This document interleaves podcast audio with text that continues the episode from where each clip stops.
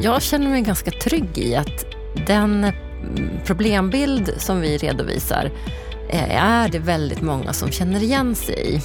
Och det nya är ju att vi tar fram lösningar som vi på riktigt tror löser de här problemen. Det finns ett underskott av bostäder runt om i landet, trots att byggtakten har ökat de senaste åren. Under nästan tre år har Kommittén för modernare byggregler haft i uppdrag att utreda om byggreglerna behöver moderniseras för att bidra till ett ytterligare ökat byggande och skapa en ökad konkurrens inom byggsektorn.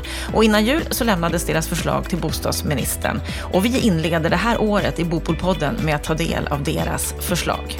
Ja, varmt välkomna till ett nytt år med Bopolpodden, en podd som är en del av bostadspolitik.se där du alltid kan hitta mer debattartiklar, rapporter och kröniker. Det känns otroligt roligt och fräscht med ett nytt år och även förväntansfullt. Vad kommer att hända på den bostadspolitiska arenan under året? Jag som leder den här podden heter Anna Bellman och jag hoppas att du vill vara med oss, för vi kommer fortsätta att fördjupa samtalet och debatten inom olika ämnen och områden. Och varje vecka så börjar vi med att se tillbaka på veckan som gått för att gå igenom det aktuella, det som det talas och skrivs om just nu.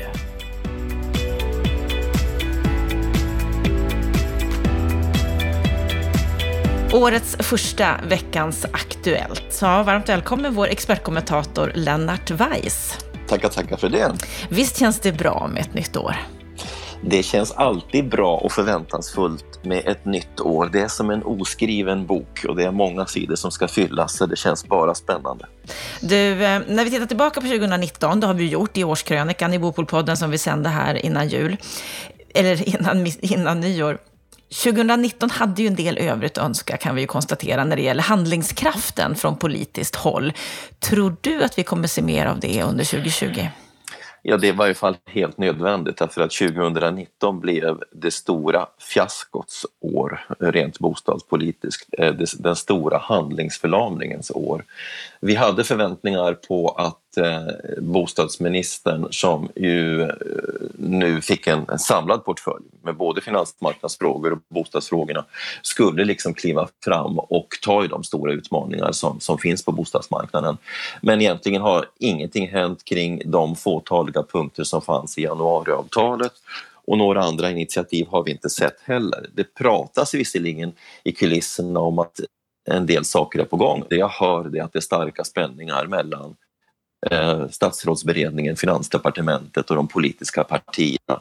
Så vad, vi får se vad 2020 kan tänkas innebära om det skulle bli samma typ av passivitet och om det bara skulle landa i att man tillsätter några utredningar, då kommer den, det missnöje som finns idag att växa till en massiv kritikstorm. Det är jag helt övertygad om. Mm, ett ämne som har återkommit många gånger och där många vill se mer handlingskraft just, det är ju det, detta med att det behövs ökade subventioner, mer hjälp för förstagångsköpare, för de som har svagare ekonomi, för att de ska kunna ta sig in på bostadsmarknaden. Och det här är ett ämne som har funnits med i debatten länge och som det även kom en debattartikel om precis i slutet på 2019 som du förfärades lite över. Det var Martin Hoveberg på Hyresgästföreningen som skrev en debattartikel i Svenska Dagbladet. Varför förfärades du över den, Lennart? Ja, alltså jag blir... Eh, under hösten så har jag blivit i stegrande utsträckning allt mer fundersam över vilken eh, hållning Hyresgästföreningen generellt sett har i debatten med koppling till den här Ehm, eh, filmen Push så, så, upplever jag att skriknivån har varit ganska hög från Hyresgästföreningens sida trots att den där filmen faktiskt eh, har väldigt stora svagheter, inte minst i analysdelen och beskrivningsdelen utav frågeställningen. Jag noterar att Hyresgästföreningen har börjat argumentera för att det skulle vara bra med stora prisfall trots att det skulle utlösa en ny fastighetskris. Och nu kommer det dessutom en kritik emot den typen av fördelningspolitiska åtgärder som finns i debatten som har till syfte att stötta just unga och förstagångsköpare. Och då undrar jag faktiskt till slut vilken, eh, vilken bostadssocial grundsyn som finns på Hyresgästföreningen. Därför att den här debatten handlar i grunden om fördelningspolitik. Eh, och fördelningspolitik handlar om att gynna någon grupp framför andra grupper. Men Martin Hoveberg tar ju i en debattartikel på Svenska Dagbladet den 27 december då den ansatsen att eh, stöd till unga eh, skulle medföra stigande priser och på det sättet så skulle så att säga eh, syftet med åtgärderna urholkas just av att stigande priser skulle höja trösklarna. Men när man granskar, när man tittar i Thyréns rapport så finns det egentligen inget stöd för Hovebergs eh, slutsatser.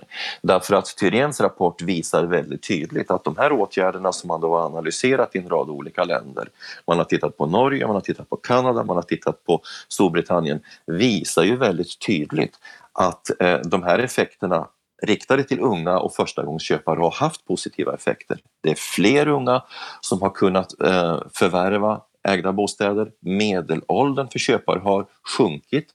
Nyproduktionen har ökat och träffsäkerheten i åtgärderna har varit betydande.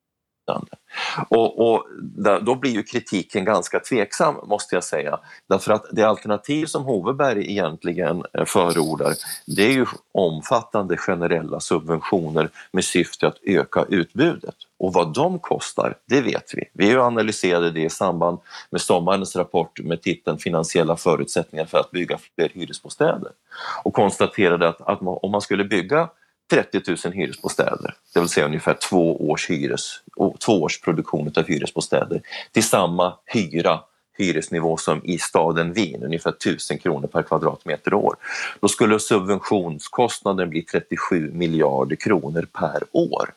Det skulle alltså vara eh, astronomiskt mycket, mycket dyrare att lösa de här bostadssociala utmaningarna på det sätt som Martin Hoveberg önskar än via de åtgärder som tillämpas i en lång rad länder runt om i världen och som också förordas i Sverige. Så att det är svårt att begripa logiken i Hovebergs uh, artikel. Så du menar att han är helt ute och cyklar i sitt resonemang?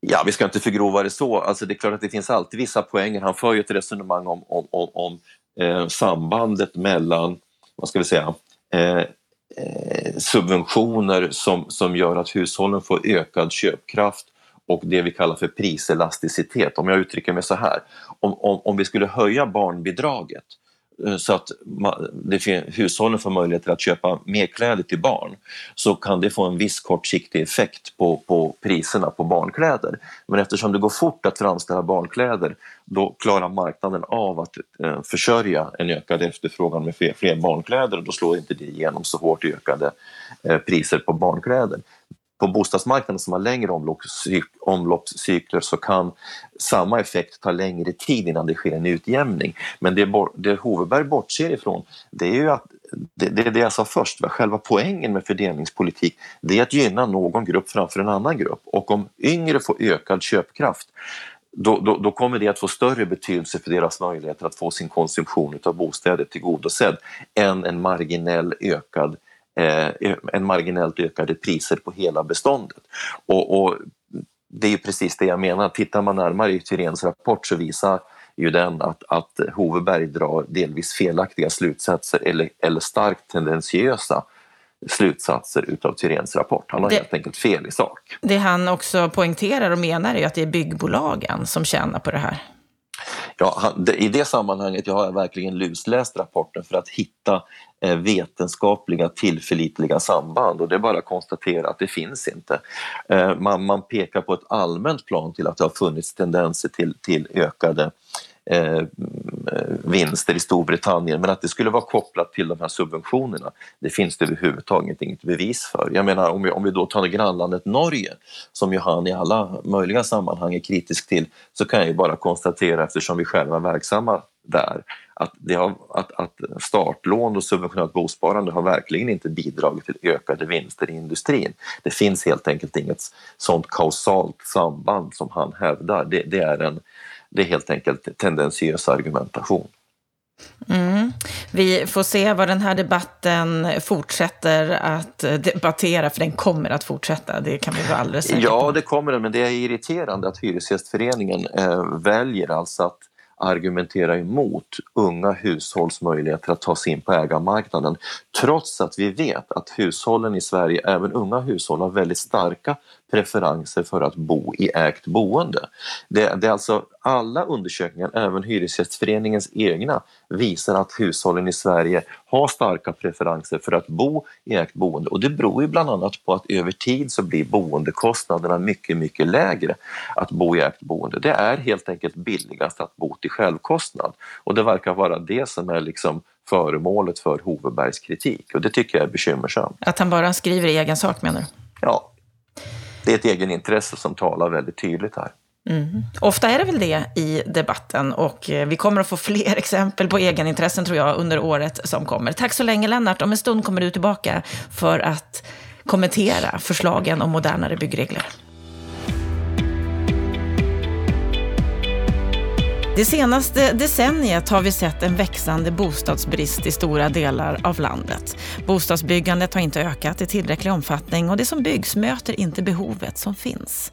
Därför tillsattes Kommittén för modernare byggregler i februari 2017 av Näringsdepartementet och innan jul presenterade de sitt förslag. Kommittén leds av Kurt Eliasson och Anna Sander. Varmt välkomna till Bopolpodden. Tack så mycket. Tackar. Kurt, du är före detta vd på SABO, eller Sveriges allmännytta som det heter idag. Vad är, vad är din sinnesstämning idag? Idag, alltså du vet, när vi, när vi eh, för ganska många år sedan nu insåg att bostadsbyggandet inte skulle komma igång ordentligt. Vi fick eh, byggpriser som stegrades eh, och vi såg att vi som stor organisation skulle kunna använda den potentialen och då konstruerade vi den här upphandlingsmodellen som vi kallar för kombohus. Det vill säga att samma hus ska kunna upprepas och byggas i alla olika kommuner utan att det ska stoppas av särkraven. Och idag har vi levererat ett förslag i vårt betänkande som löser det problemet med att kommunernas eh, olika tillämpning av byggreglerna har försvårat jag ska inte säga att det har förhindrat, för det har ändå byggts 15 000 lägenheter. Men det har försvårats av att inte ha ett system där man kan bli, kunna upp, få den upprepningseffekten. Idag har vi lanserat ett sådant förslag som innebär att det här kommer att vara ett minne blott. Du ser nöjd ut. Jättenöjd. Ja, och det vi ska poängtera det är att när vi spelar in det här, då har ni precis lämnat över era förslag för modernare byggregler, även om just programmet sänds i januari. Så stämningen är på topp här inne i studion. Absolut. Anna Sander, du är enhetschef för mark och exploatering på Uppsala kommun. Vad är din sinnesstämning idag? Ja, jag är ju också upprymd och väldigt nöjd med att vi har kommit fram till de här förslagen som ju innebär ett, ett stort nytänkande och en, eh, någonting som jag verkligen tror kommer göra skillnad för, för både byggprocessen och för det som verkligen byggs. De bostäder som människor vill bo i. Mm. Ni fick ju till uppgift att utreda om byggreglerna behöver moderniseras för att bidra till ytterligare ökat byggande och skapa en ökad konkurrens. Och var det solklart att de behövde moderniseras? Ja, ja det kan man säga. Det visste vi ju från olika erfarenheter. Alltså, från min SABO-värld så visste vi ju att byggreglerna tolkas ju oerhört olika. Ja, från din sida var det ingen tvekan? Aldrig. Nej. Anna, var du lika övertygad? Eh, jag har ju jobbat både i departementsvärlden och nu på kommun och jobbat med innovation. Eh, sådär. Så att jag har ju också följt byggreglerna under många år och sett att de inte riktigt har hängt med i utvecklingen. Så att, ja, jag visste också att det fanns ett stort behov, men när vi började visste man ju inte exakt hur vi skulle göra. Eh, så det är det som det här arbetet har lett fram till, att nu vi har hittat ett hur. Mm. Och det har hållit på ett mm. tag, sedan februari mm. 2017. Har det varit mm. ett, ett lätt arbete? Eller? Alltså, vi har ju haft tre delbetänkanden ska man komma ihåg, så att det här är vårt tredje betänkande. Eh, så att vi började med att lämna förslag på hur byggstandardiseringen i Sverige kan funka bättre. Och sen lämnade vi ett omfattande betänkande om eh, bygg, byggandets miljöpåverkan under själva byggprocessen. Och sen nu slutligen det här med byggreglerna. Men det har ju samtidigt följt med oss från första månaden när vi bjöd in till runda bordsamtal med branschen, med kommuner, med intressenter och satte upp det första fingret i luften för att känna vad är behoven? Vad är problemen? Och vad vill man ha en lösning på? Är det någonting som har varit svårt i det här arbetet, Kurt? Det som är svårt är ju att det här berör ju så mycket människor. Alltså professionella, amatörer, intressenter av olika slag.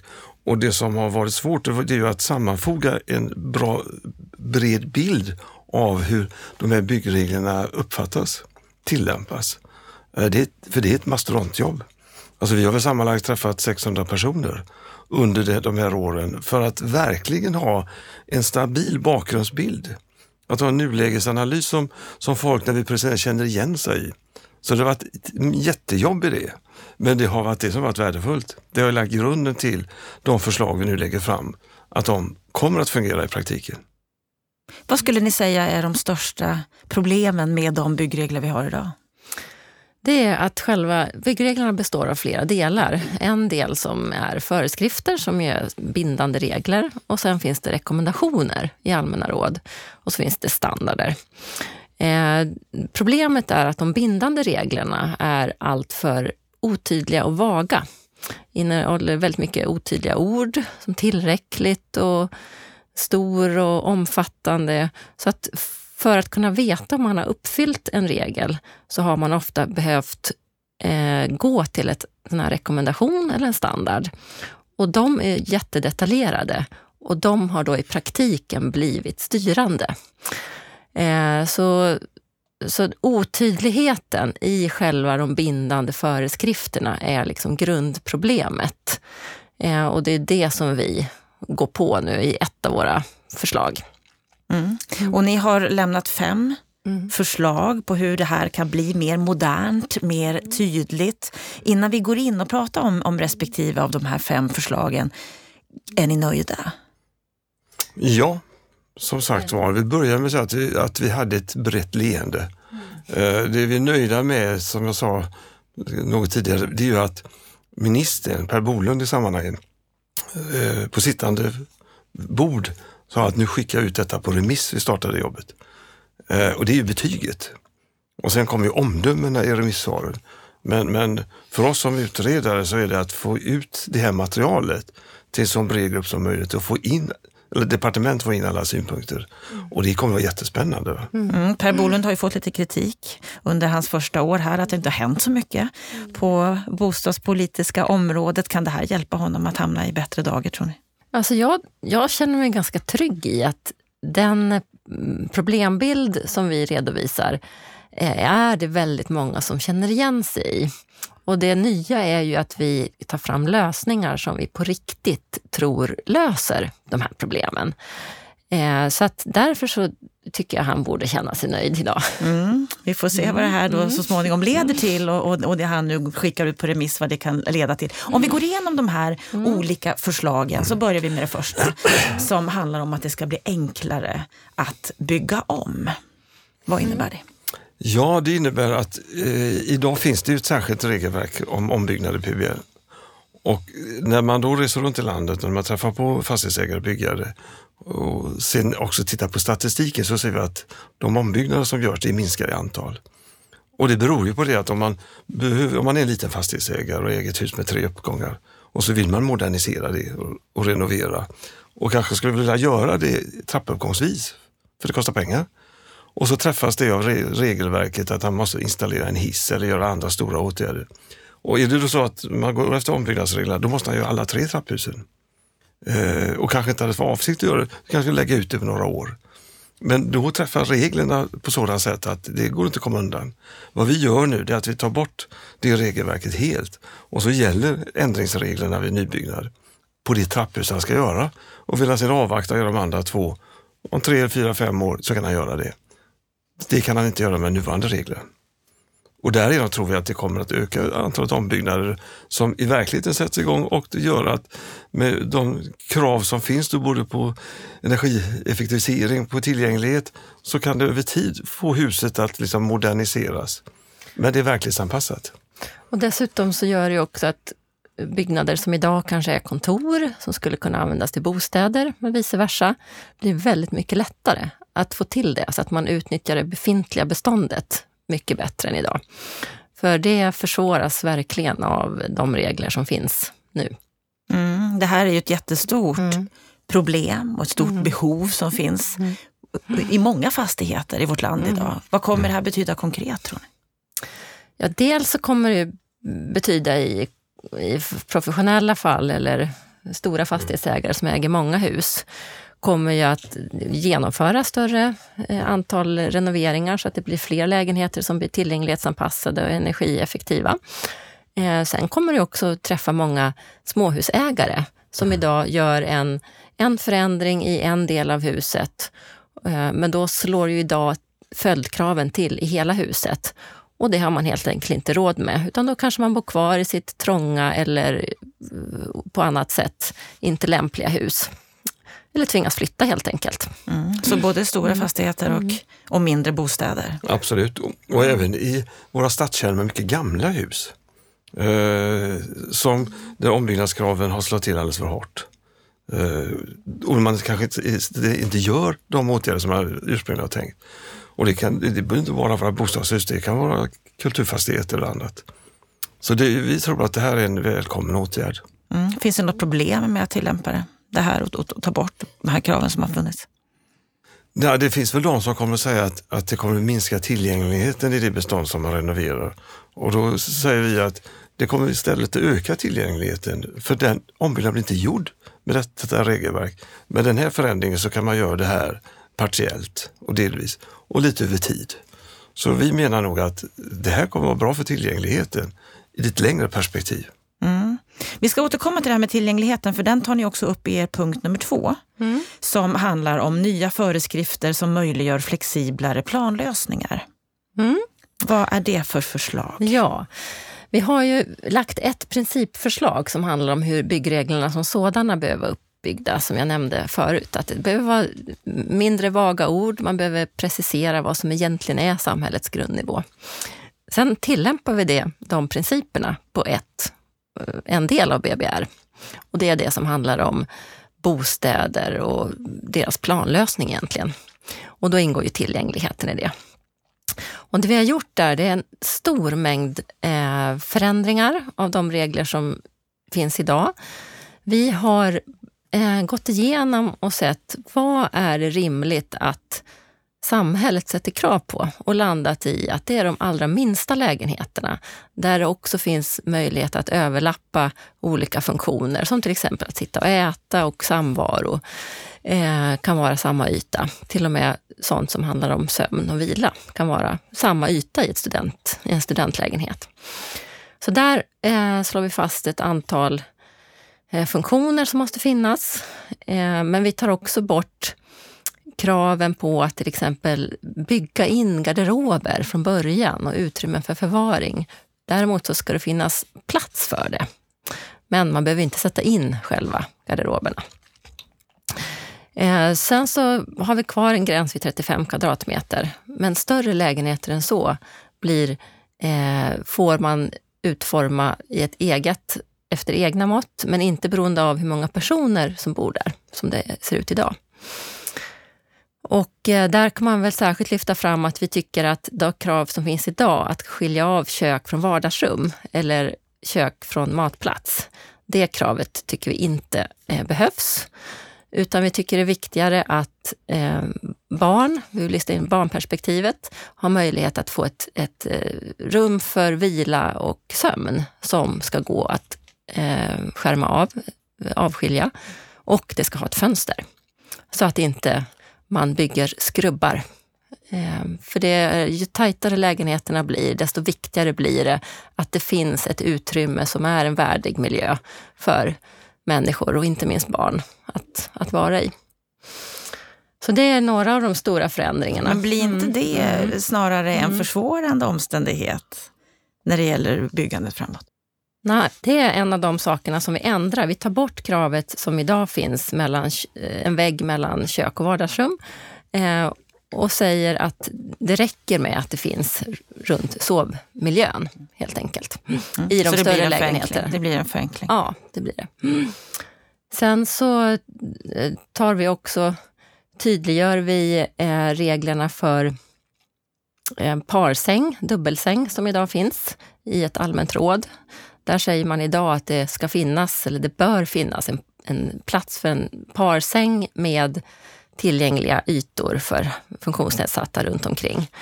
Eh, vi har eh, övervägt den här frågan och landat i att det viktiga är att det finns ett rum med en enkelsäng som har det här. Då uppnår man flera saker. Dels att eh, man kan få flera sovrum. Man kanske är ensamstående som har två barn. Då vill man hellre ha två små rum än ett stort. Eh, vidare när det finns många äldre, eh, åldrande befolkning som kan behöva vård hemma. Eh, då kanske man, även om man är ett par, behöver ha skilda sovrum eftersom en person behöver vård väldigt mycket eh, och behöver ett eget rum. Så att i de här avvägningarna så har vi landat i att vi tar bort kravet på, på dubbelsäng, eller rekommendationen som finns idag. Så det är en förenkling. Så att lägenheterna som är större kommer att få otroligt mycket spännande planlösningar nu som blir möjliga tack vare att vi eh, tar bort hänvisningar till de här allmänna råden och standarder som idag är de facto styrande. Och då kommer vi in på mm. den här mm. frågan om just tillgänglighet som mm. ju ni berör mycket i det här. Mm. När det gäller exempelvis då studentlägenheter, behöver alla fortsättningsvis vara tillgänglighetsanpassade? Även efter era Alltså vi, rör, vi rör ju, det finns ju en fråga som ju oftast diskuteras när det tillgänglighet och det är ju hygienutrymmet. Det rör inte vi i den här delen, för det pågår ett arbete på Boverket. Alltså, och det krävs ett hel eh, arbete som inte vi har kunnat utföra. Så, Varför har ni inte kunnat göra det? Ja, vi hade fått ett år till på oss. Så har vi gjort det. Och sen pågår det dessutom på Boverket med den kunskap och expertis de har. Och så, så det, den delen släpper vi. Eh, de här studentlägenheterna som ju du kan gå ner till 16 kvadratmeter. Vad vi gör är att vi ändrar så mycket i, i det övriga regelverket så att det här kan ju bli läge för både yngre icke-studerande eller äldre som nöjer sig med en, en liten lägenhet. Eh, och det eh, befrämjar vi. Så det blir egentligen inga kategoribostäder utan det är öppet för alla. Mm, ni vill gå ifrån studentbostadstanken? Nej, vi, vi är kvar i den tanken men låter den lägenhetstypen bli tillgänglig för alla i princip. Även de icke-studerande. Mm. Så att en 19-åring som flyttar hemifrån och inte pluggar kan också bo i en sån här lägenhet mm. som då är 16 kvadrat.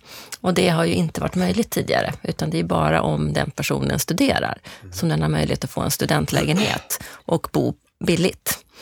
Vi möjliggör då att eh, ta bort kategoriboendena, möjliggör också för de som inte studerar att kunna bo billigt. Men just det här med, med mm. tillgängligheten, mm. ni har ju verkligen mm. arbetat med de här frågorna mm. nu under, mm. under en väldigt lång tid. Mm. Kan ni hålla med om att vi ändå är lite rigida i Sverige, att alla bostäder ska vara tillgänglighetsanpassade, även om inte hela befolkningen behöver utnyttja det? Men det som jag tycker är intressant med, våra, med det förslag vi arbetar utifrån, eh, så har ju vi utan att röra i tillgänglighetskraven kunnat åstadkomma förslag genom att röra i det andra regelverket som gör att vi kan minska lägenhetsstorlekarna i de flesta olika nivåer. Vi tar bort det här 55 kvadratmetersgränsen. Vi, vi reglerar inte det utifrån hur många personer som ska bo utan hur många kvadratmeter lägenhet ska vara. Så vi har åstadkommit en effektivisering av ytor utan att i den del eh, ta bort eller förändra tillgänglighetskravet.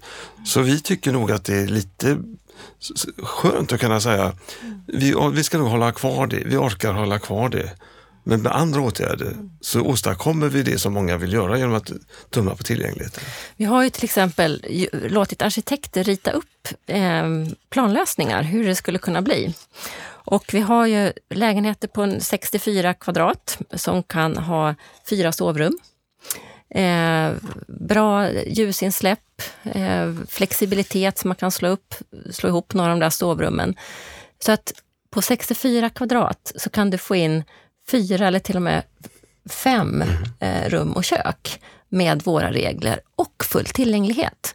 Så det måste vi säga också, för mig i alla fall, har det varit liksom en positiv överraskning att vi kunde nå dit mm. utan att röra på tillgängligheten. Men det har varit ett hårt jobb att grotta ner i alla olika detaljer och tänka vilka vilka funktioner kan man ha på samma plats? Hur brett behöver det här vara? Vi har jobbat med decimetrarna. Men vi har faktiskt landat i att även den här 64 kvadrataren funkar alldeles utmärkt, både för en funktionsnedsatt och den som inte är det. Så det, det tycker jag har varit en, en väldigt positiv del med det här arbetet. Mm. Alltså vi är tillbaka till mm. lägenhetstyper som man byggde på 50-talet, som är väldigt populära, det ser vi runt omkring oss, men tillgängliga. Vilket de som byggde på 50-talet inte är. Så att eh, vi har återvunnit mycket av den kvalitet som fanns på 50-talsbostäderna, men med, till en modern nivå och i det innefattas tillgänglighet. Så om jag tolkar det rätt så mm. behöver vi inte utmana detta med tillgänglighet och hur försvårande det är och har varit för byggandet? Nej, Nej vi har visat på andra metoder. Mm. Ikano Bostad mm. de är väldigt aktiva i den här frågan mm. och mm. de menar bland annat att dagens regelverk leder till onödigt stora lägenheter som färre mm. har råd att bo i och att bostadsytan inte kan fördelas mellan olika rum på det sätt som kunderna önskar. Mm. Kommer de att bli nöjda nu? De kommer tror jag bli jättenöjda. De kommer bli jättenöjda. Mm. Vi, vi ökar ju flexibiliteten väldigt mycket jämfört med hur det ser ut idag. Och eh, det, det är precis det som de efterfrågar. Mm. Ja, ni är mm. övertygade? Mm. Ja. Absolut. Ingenting som kan rubba er när det gäller just det här. Om vi tittar då på ert tredje förslag så heter det att det ska bli tydligt vad som är samhällets krav. Mm. Det är ju eh, att själva föreskrifterna vi har flera olika nivåer av regler. Det finns lagar, det finns förordningar och det finns föreskrifter som Boverket mm. bestämmer. Och det är någon av de här tre nivåerna som samhällets krav ska sättas. Eh, vi menar att det inte är lämpligt att samhällets krav uttrycks i råd eller rekommendationer. Eh, det är inte heller lämpligt att det sätts i standarder eftersom det tas fram av, av eh, intressenter som har olika typer av intressen i, i standardiseringsvärlden. Utan det är ju liksom samhället genom Boverket, regeringen eller riksdagen som ska sätta samhällets krav. Så det är det, därför vi också föreslår att Boverket får ett ett eh, omfattande uppdrag från regeringen att gå igenom hela regelverket så och göra på motsvarande sätt som vi har gjort för när det gäller planlösning och tillgänglighetsfrågorna. Mm. Mm. Och sen kan man säga att vårt första delbetänkande handlade just om standarder. Vi gick igenom väldigt noggrant det svenska standardiseringssystemet och ställde i relation till fem andra länder och konstaterade att det är ett system, framförallt i dess utförande, som är starkt ifrågasatt. Av lite olika skäl, att det kostar pengar, det är dyrt att vara med, de som inte eh, har stora företag kan inte delta och så vidare. Eh, och nu har standardiserings eh, SIS tagit åt sig av det här, börjar resonera kring en förändring och gör väl vissa saker, jag kan inte allt, men, men det är en lång väg att gå.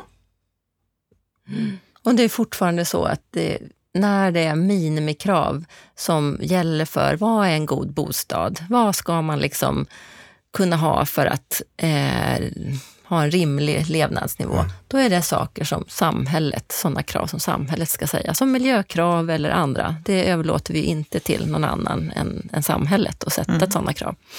Mm. Det ni menar är ju att det mm. finns ett starkt stöd för att mm. Boverkets byggregler ska uttryckas som just funktionskrav. Just det, i verifierbara mm. föreskrifter. Mm. Och sen är det upp till branschen att hitta smarta lösningar. Mm. Och ni menar att det här då kommer att öka mm. innovationen Absolut. i branschen? Mm. mm. Hur mycket då? Ja, det är väl svårt att säga, men jag tror ju att eh, jag tror att med ett antal av de här åtgärderna som görs så kommer vi se ett mycket mer eh, industriellt byggande. Alltså, de menar inte bara färdiga hus utan färdiga lösningar eh, som appliceras. Vi har ju andra förslag som underlättar det också. Så jag är ganska övertygad om att det vi har väntat på, att kunna öka industrialiseringen och eh, det som gjorts försök, det kommer att, att öka med det här förslaget. Mm. De sammanlagda förslagen ska jag säga. Mm. Vi har ju också ett förslag som handlar om att eh, nedervåningen är det hus i flera plan, stadsradhus. Den nedersta våningen eh, ska inte längre behöva ha full full standard, utan där räcker det med de här smålägenheternas miniminivå. Och man behöver heller inte sätta in ett kök från början till exempel. Och det gör ju att man kan till exempel bygga ett smalt hus mot en eh, som är terräng. Man behöver inte spränga ut, utan man kan ha sin ingång där och sen gå upp i huset. Så det öppnar för mycket större mm. flexibilitet och innovation. Det behöver inte bli så dyrt, utan vi gör det lättare att man ska kunna ta det steget. Mm, det många efterfrågar är ju ett billigare byggande och det här kan bidra till det. Ja. Mm. Och sen så är det ju en annan effekt av, nu har vi mest pratat om själva produkterna, alltså bostäderna, men det vi också ser att processen, när två parter är oeniga om hur någonting ska tolkas, tar oerhört mycket tid och tar jättemycket, kostar mycket pengar. Både för byggherrar och för kommuner som har svårt att få tiden att räcka till. Så att genom att den processen eh, förenklas nu, när det är tydligt vad som gäller, så kommer också fler vilja bygga mer. Eh, utländska aktörer kan vilja börja bygga mer. Eh, och det gör att både konkurrensen ökar, priserna sjunker. Ert fjärde förslag handlar om att ni vill se en ny myndighet som skapar en enhetlig tillämpning av det här. Byggkravnämnd. Ja, alltså tänk skatterättsnämnden. Dit man kan gå och fråga, är det okej okay att göra det här avdraget? Får man då ett besked därifrån så kommer skattemyndigheten sen inte att ifrågasätta det. Alltså vi har ju sett att eh, och det har gjorts ett antal försök att komma till rätta med det här med olika särkrav som finns över hela landet. Alltså att tillämpningen är ojämn. Eh, och, då, och du tänker du tillämpning i olika kommuner? Olika, delar? olika kommuner, absolut. Det är 290 olika eh, kommuner som tillämpar de här regelverken på helt olika sätt. En del gör strikt efter BBR, de, de rör inte det. Men det är väldigt många som har särkrav. Och det har ju varit ett problem. Att inte kunna göra de här upprepningseffekterna. Och då har många sagt till oss att det vore väldigt bra om man kunde ringa till Boverket och säga, gör jag rätt nu om jag gör så här? Och då svarar Boverket, det kan inte vi svara på. Vi är den som utfärdar regelverket. Vi kan inte eh, kommentera lösningarna. Det ska ske i byggnadsnämnden. Men är det inte där felet ligger då? Att ja, det är inte Boverket? jag är inte färdig än riktigt. Eh, och till den hjälpen så införde man för ett par år sedan, alltså, eller 2011, att certifierade sakkunniga och, och kvalitetsansvariga, de skulle vara det mellanlägget som skulle hjälpa byggherren och kommunen att eh, få, få en hantering som, men det är ju samma otydlighet i regelverket som man, nu, som man har haft att hantera som gör att utrymmet för olika tolkningar är kvar och kanske till och med större. Så vad vi gör nu då, eh, först och främst då tydligt i regelverket Alltså att för, föreskrifterna blir tydliga, det, det, det, måste det vara. Och nästa steg är att om man vill pröva en lösning så ska man inte gå till någon lokal konsult som kallar sig för eh, kontrollansvarig eller certifierad sakkunnig. Utan då, då skulle man kanske skicka, skickar man det till en byggkravnämnd, alltså det är samma som skatterättsnämnden, och får ett förhandsavgörande. Men borde okay. det inte ligga på Boverket? Då blir det sammanblandning av eh, rollen som att skapa regler och samma roll som att pröva regler. Och därför är det viktigt att det ligger utanför? Det ligger utanför. Mm. Det är ingen jätteorganisation det här. Alltså. Vi talar inte om en eh, stor, stor, utan man får ju använda den expertis som finns eh, lokalt där man befinner sig. Och, I speciella ärenden så kan man kalla in experter som deltar i ett sånt beredning. Och sen får man ju en praxis. Det kommer utvecklas en praxis. Så är det på skatteområdet. Man vet idag vilka, hur man kan hantera det. Det kommer bli samma här. Mm. Kommunerna har ju idag en väldigt stort egenbestämmande när det gäller att tillämpa olika mm. Mm. regler och särkrav. Kommer mm. det bli mer enhetligt på det här sättet? Ja, man måste skilja på regler och regler. Och det som gäller själva bygglovets eh, del som handlar om hur huset är placerat i sin omgivning och hur det ser ut från när man rör sig utsidan. Det rör vi ju inte. Utan det här handlar ju det som handlar om de tekniska kraven som är liksom bestämda nationellt. Det ska vara nationella regler och det är de sakerna som ska den här nämnden pröva. Så, så på det sättet så påverkas ju inte kommunerna av det. Eh, den kommer också kunna pröva de här planlösningsfrågorna som vi var inne på nyss och tillgängligheten. Så att har du hittat en planlösning som funkar i eh, Borlänge så ska den också funka i, i Falun. Och om vi då tittar mm. avslutningsvis här på ert mm. femte förslag så föreslår ni att certifierade sakkunniga och kontrollansvariga ska avskaffas i plan och bygglagen. Ja. Varför då? Därför att vi gör ju i vår modell så att vi gör väldigt tydliga föreskrifter. Vi begränsar det som samhället så säga, ska bestämma om. Men det som samhället bestämmer om, det ska vara tydligt. Och så tar vi bort allt det som är otydligt och oförutsägbart. Eh, och då har, när vi har tittat på hur det här systemet fungerar så är det ju så att eh, om man tar certifierade sakerna så finns de bara inom ett antal egenskapsområden och de finns inte geografiskt över hela landet. Eh, vi tycker att tillsammans med två andra förslag som vi har, nämligen att kontrollplanen ska vara så säga, närmast på föreskriftsnivå hur den ska se ut. Eh, det ska vara tydligt vad den ska innehålla. Det är, ett, det är, viktigt för kommunen och byggherren att de gemensamt har en kontrollplan. Och sedan är det byggherren som är ansvarig. Kommunen kommer sedan att göra arbetsplatsbesök. Och vi ställer stora krav på de här arbetsplatsbesöken. Vi kommer att reglera vad de ska innehålla och att de genomförs. Eh, så att det blir en klar rollfördelning mellan, mellan kommun och byggare, men att där byggherren är ansvarig. Vill byggherren anlita byggkonsulter som är sakerna på visst område eller vill göra eh, ett antal andra åtgärder utöver de konsulter de har, så får de gärna göra det. Men de behöver inte ha lagstöd för det. Utan det är tveksamheter på tekniska lösningar, ja då får byggherren skicka det ärendet till eh, byggkravnämnden och få ett avgörande där och då gäller det. Mm. Det är fem förslag som mm. ni är väldigt nöjda över att ha presenterat för vår bostadsminister. Är de här förslagen tillräckligt moderna för att lösa de utmaningar vi har i, i bostadsbranschen idag? Ja, vi har inte sett några mer moderna än det här. Mm, men är de tillräckliga? Det finns ju andra, för att lösa hela bostadsfrågan så krävs det ju naturligtvis massa andra åtgärder också. Men just på regelområdet, mm. så vi har ju vänt på varje sten, skulle jag vilja säga. Mm. Och eh, det är väl det som känns så tillfredsställande med det här arbetet, att man vänder på vissa stenar så hittar man det man trodde man skulle hitta. Men ibland, som det här med tillgänglighet och ytkrävande, så har vi hittat något annat. Eh, och det gör att jag känner mig liksom trygg i att det här är kloka förslag.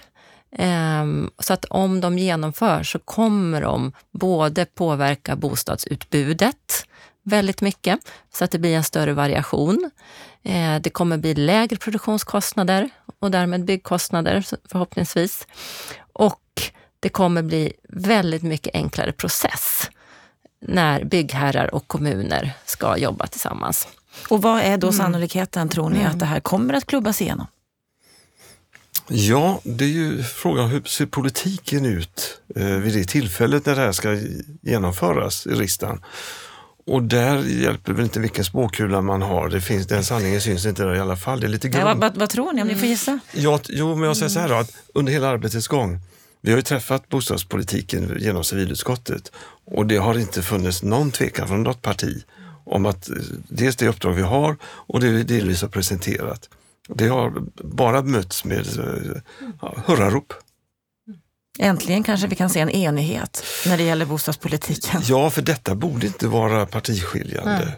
Nej. Det borde inte vara det. Däremot hade det varit en PBL-utredning som kanske också behövs. Och vi har inte varit inne på PBL-området. Där blir det kanske mer eh, svårt att bli överens, det vet inte jag. Men på det här området ska det inte behöva vara något partiskiljande. Nu är ert arbete klart. Ni lämnar in dator och mobiltelefon och lämnar över. Om 45 minuter ska vi vara där. Alldeles strax gör ni det. Hur känns det? Eh, det känns väldigt eh, bra. Eh, glad att vi fick förtroendet att göra det här och det har, har varit så mycket roligare än vad man kunde drömma om när vi började med byggregel uppdraget. Så att, eh, ja, jag känner mig väldigt nöjd.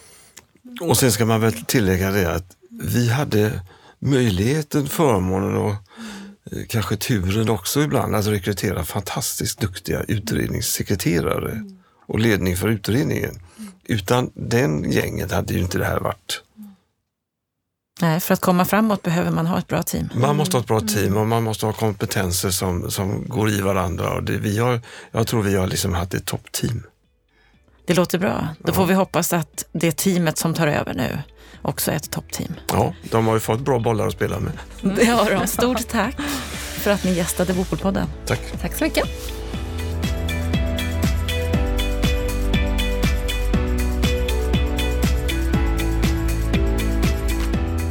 Ja, då har vi hört de fem huvudförslagen till modernare byggregler. Lennart Weiss, vad säger du om det här vi har hört? Generellt sett så är jag väldigt positiv. Jag är faktiskt till och med lite imponerad av det resultat som Kurt Eliasson, Anna Sander och den här utredningen har kommit fram till. Men på ett övergripande plan så måste man nog också säga att eh, det, är ett, eh, det är ett väldigt radikalt eh, förslag de har lagt fram. Och eh, ja, alltså när, när, jag lyssnade på intervjun, tog del av DN Debatt och snabbt läste eh, rapportens sammanfattning och ögnade rapporten i övrigt, alltså utredningen i övrigt, så kände jag behov av att ringa ett par kollegor i branschen som, som är sakkunniga experter. Jag hade ett samtal med en intern kollega på Veidekke och med Nancy Mattsson på, på JM och vi var tämligen ense om att det här är radikalt och att det finns en viss risk för att riksdagens största politiska parti, det vill säga kommunpartiet, kommer att eh, väckas till liv här och, och, och, och rikta invändningar mot det här förslaget, för det är väldigt långtgående. Om vi tittar på dem, det är, radikala förslag, men är de tillräckliga för syftet med det här, att öka effektiviteten? Ja, det skulle jag säga att de är. Men, man, man, men, men om man ska dissekera eh, utredningen lite närmare så kan man ju säga så här att om man, om man tar bort liksom de allmänna råd och riktlinjer eh, som finns idag som komplement till Boverkets byggregler, liksom de anvisningar som utfärdas utav SIS, alltså Svensk eh, standard, så kan man säga att det uppstår ett väldigt stort tomrum. Alltså det, det enda som man kommer att kunna luta sig mot eh, framåt det är ju de så kallade funktionskraven som då ska vara obligatoriska men inte särskilt precisa. Det kommer att eh, definitivt kommer de stora företagen som eh, JM, Veidekke och Peab och vad de nu heter ha, ha förutsättningar att eh, jobba med utgångspunkt ifrån den typen av mera Eh, allmänna funktionskrav. Men de små företagen kommer ju att möta betydande utmaningar för de, de har ju inte samma förutsättningar att liksom med intern expertis eller att köpa konsultexpertis för att tolka innebörden av funktionskraven. Så att jag tror så här att den här utredningen, om, om den genomförs så kommer den få till effekt att vi får mer yteffektiva, standardiserade, effektiva kostnadseffektiva lägenheter än idag. Däremot så är jag inte alls säker på att det kommer att främja konkurrensen. Jag tror helt enkelt att de stora företagen kommer att ha lättare att agera eh, i det här territoriet än vad de små företagen kommer att ha. Så på den punkten så tror jag inte utredningen drar rätt slutsatser av sina egna förslag. Men från min utgångspunkt, från ett bostadsmarknadsperspektiv, så är jag väldigt positiv. Mm, och de är ju själva väldigt positiva, som vi kunde höra här i samtalet. De är väldigt nöjda med det de har lämnat fram och menar själva att Per Bolund, han vart ju också väldigt förtjust i det här, att han direkt skickade förslaget på remiss. Är det att tolka som ett ja från hans sida? Ja, det ska man nog tolka som att han är positiv. Han, hade, hade, han, hade han inte varit det så hade han ju inte tagit det beslutet att skicka det på remiss per omgående. Det, det som blir verkligt spännande här det är ju vad kommer kommun-Sverige att säga om detta? Vad kommer Sveriges kommuner och regioner att säga? Därför att eh, om den här utredningens förslag genomförs så kommer ju väldigt stora krav att läggas på bygglovshandläggarna. De ska alltså Eh, alltså de som är erfarna kommer inte ha något problem att se om företagen har tolkat så att säga, de allmänna funktionskraven på ett riktigt och korrekt sätt eh, eller inte. Däremot så kommer ju oerfarna eh, bygglovshandläggare att bli väldigt osäkra. Uppfyller det här lagkraven eller inte? Och där kommer man ju till en fråga som jag inte tycker är helt tydlig i utredningen. Det, det rör ju den här statliga myndigheten, Byggkravsnämnden. För som jag läser utredningens rapport så innebär Eh, det förslaget att byggherren har möjlighet att gå till byggkravsnämnden för att begära en prövning om kommunen skulle säga nej. Men jag har inte förstått det som att kommunen har möjlighet att göra motsvarande sak, det vill säga att gå med ett ärende till byggkravsnämnden för att få vägledning för om, om, om företaget har tolkat funktionskraven på rätt sätt. Och det där är en punkt som jag har, som jag har en känsla av att kommunerna kommer att slå ner på och, och eh, föreslå förändringar av. Mm, och de har väl rätt mycket att säga till om, är det inte så? I, eh, som som, som eh, lobbyinginstans i de här frågorna så kan du vara helt säker på att det kommer att eh, utlösa stor aktivitet i kommun-Sverige och så var det här kommer att landa det tror jag är väldigt osäkert men, men från mitt perspektiv, och då pratar jag både från ett, ett bostadsmarknads och branschperspektiv men också från ett bostadspolitiskt perspektiv, så är jag väldigt positiv till utredningen eh, rent generellt och hoppas att den kommer att genomföras. Men jag tror vi kommer att räkna med ganska intensiv debatt och förslag till många förändringar mm. innan det här blir en ny lag. Ja, det ska bli spännande att följa, för att det behöver göras någonting, det kan vi vara tämligen överens om. Stort tack för den här veckan och för starten på det här året, Lennart Weiss. Tack själv. Ja, då har vi gjort premiären av Bopolpodden för 2020. Vi ser fram emot ett mycket spännande år. Om du gillar det du hör så sprid gärna den här podden till fler och om du vill komma i kontakt med oss då gör du det på podd.bostadspolitik.se. Och med det önskar jag dig en trevlig helg och vecka tills vi hörs igen.